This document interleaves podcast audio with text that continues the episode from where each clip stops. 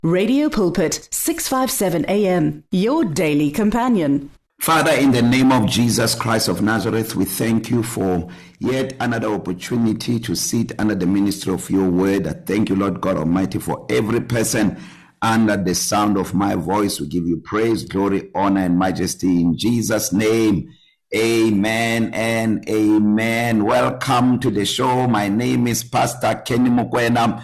and it's time for you to experience the blessing.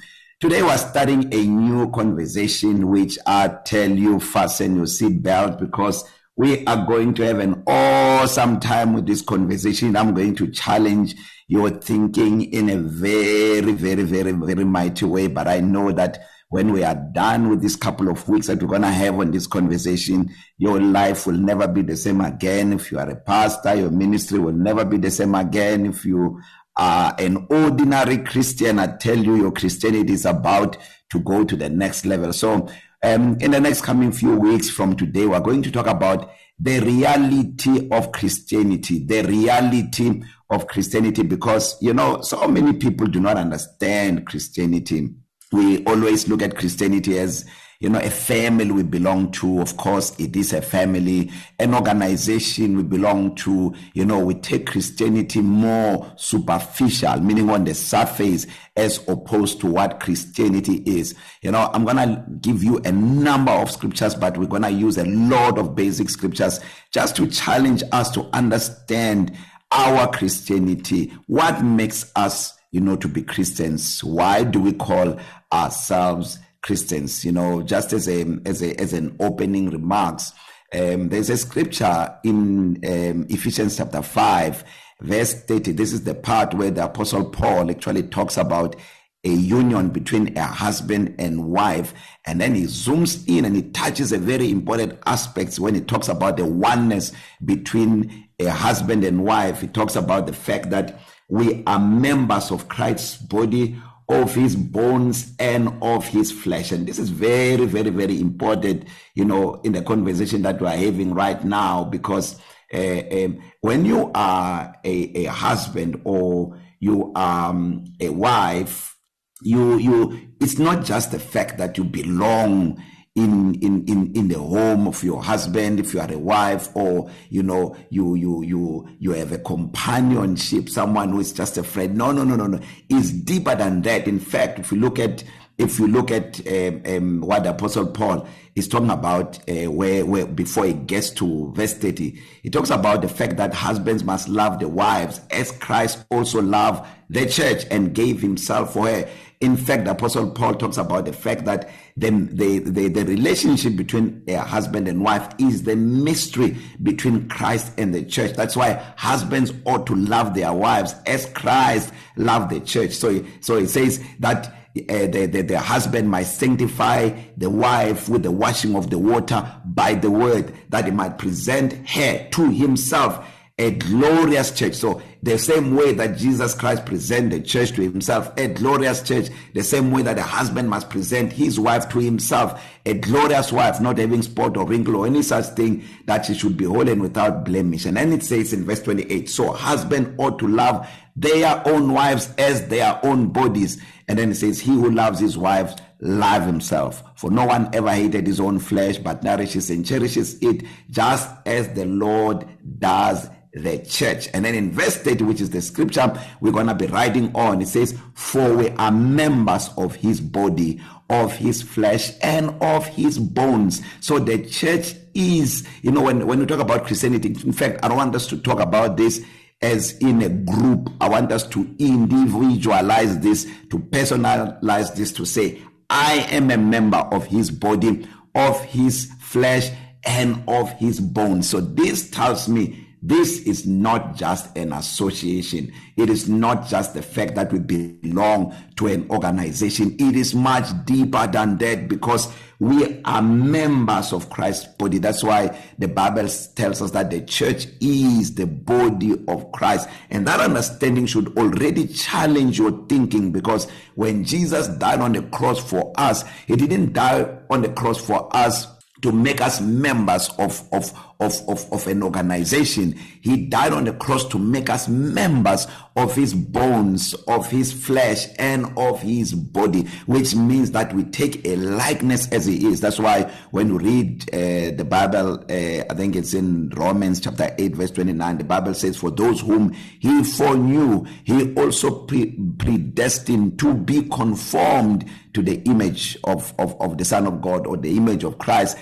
so that he might be the firstborn among among many brothers. So I'm giving you this introduction to say, when I look at the scriptures, and I look at how Christians behave, you know, around their their their salvation, for me, I think it falls short in a very large extent.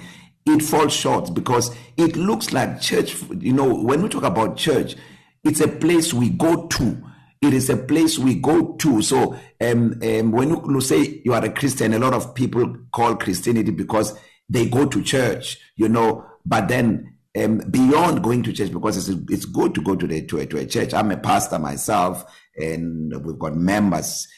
uh, of our church but let me tell you before anybody becomes a member of a church that person becomes a member of the body of Christ. You know, you can attend a, a, a, a funeral for that matter.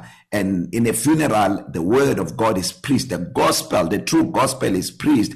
And then you accept Jesus as Lord and Savior of your life. At that moment, you become a Christian before you even belong to any church or you can listen to a, a, a show like this where the gospel the true gospel is preached and then you give your life to christ before you become a member of a church but then what happens is then Uh, because after that you have to belong to a family you have to belong to a church because you need to be re- to be to be taught you know a church is of course a a a family where we grow in the knowledge of God we grow in the knowledge of Christ we grow into sonship into places of responsibility so to get there of course you need to belong to a church but you become the body of Christ even before you belong to any denomination or you belong to any church. That's why, you know, that, that, that in fact, there are some uh, uh, churches in close and open inverted commas who do not embrace salvation as is in the scripture. So to them, you are a Christian because you attend a church service and you look at people like that, they are mean you know they they their lives do not reflect the values that that that represent who Christ is and and and and and, and all that because if you do not embrace the new birth as contained in the scriptures you cannot be a partaker of Christ and there will always be a limitation in who you are in your Christianity so i want you to understand as our point of departure into this conversation that you as a Christian you are members of Christ's body of his bones and of his flesh. You are part of him. In fact, Jesus is the head of the church. We are the body of Christ. So that must tell you how powerful you are as a Christian.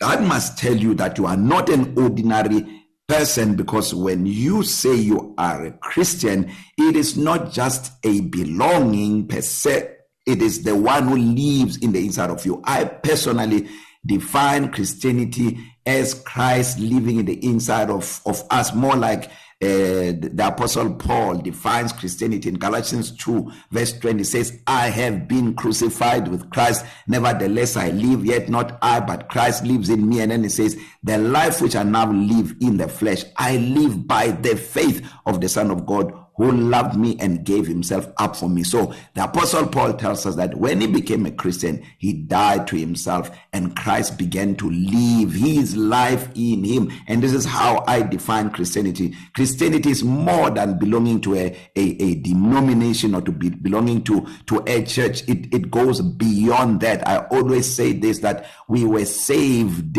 to serve God And to serve God, it takes God to serve God. It does not take you. We do not serve God out of our own resources. We serve God because it is Him who work in us, according to Philippians 2:13, both to will and to do for His good pleasure. So He's the one that is doing His work in the inside of us.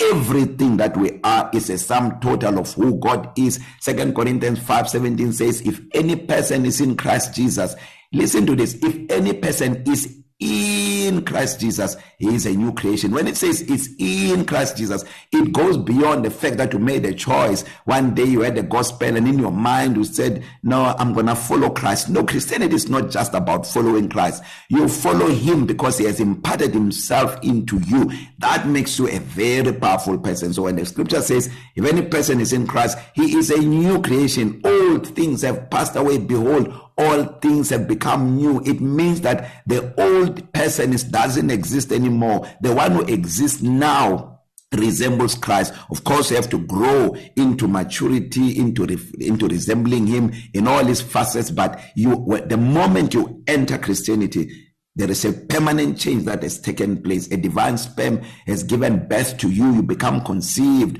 of the Holy Spirit himself and you become a very, very powerful person. That is why Second Corinthians 5 18 says, Now all things are of God all things are of God because the moment you become born again, you become a Christian, you cease to be an ordinary person, you cease to be a, a natural person. And Colossians 1, verse 27 tells us about, uh, uh, actually, when you read from verse 26, tells us about a mystery that was hidden before the ages, uh, but which God is revealing now Christ in us the hope of realizing the glory and this is so powerful for us to understand so in the next coming weeks i'm going to be showing you how important it is for you to understand your salvation when we talk about you being saved we're talking about being reborn from above spiritually transformed renewed and set apart for god's purpose that is what christianity is all about christianity is not you know other people define christianity as you know you go to church on on on on sunday Sunday with your family. You go you, after that, you know, you go have lunch, and before you have lunch, you pray, you know, for Father, we thank you for the food in Jesus' name, Amen. And then before you sleep, you pray and thank God for that. Now it's it's it's it's much deeper. It's much deeper than that. It's much deeper than that because when you are reborn from above, you carry the same nature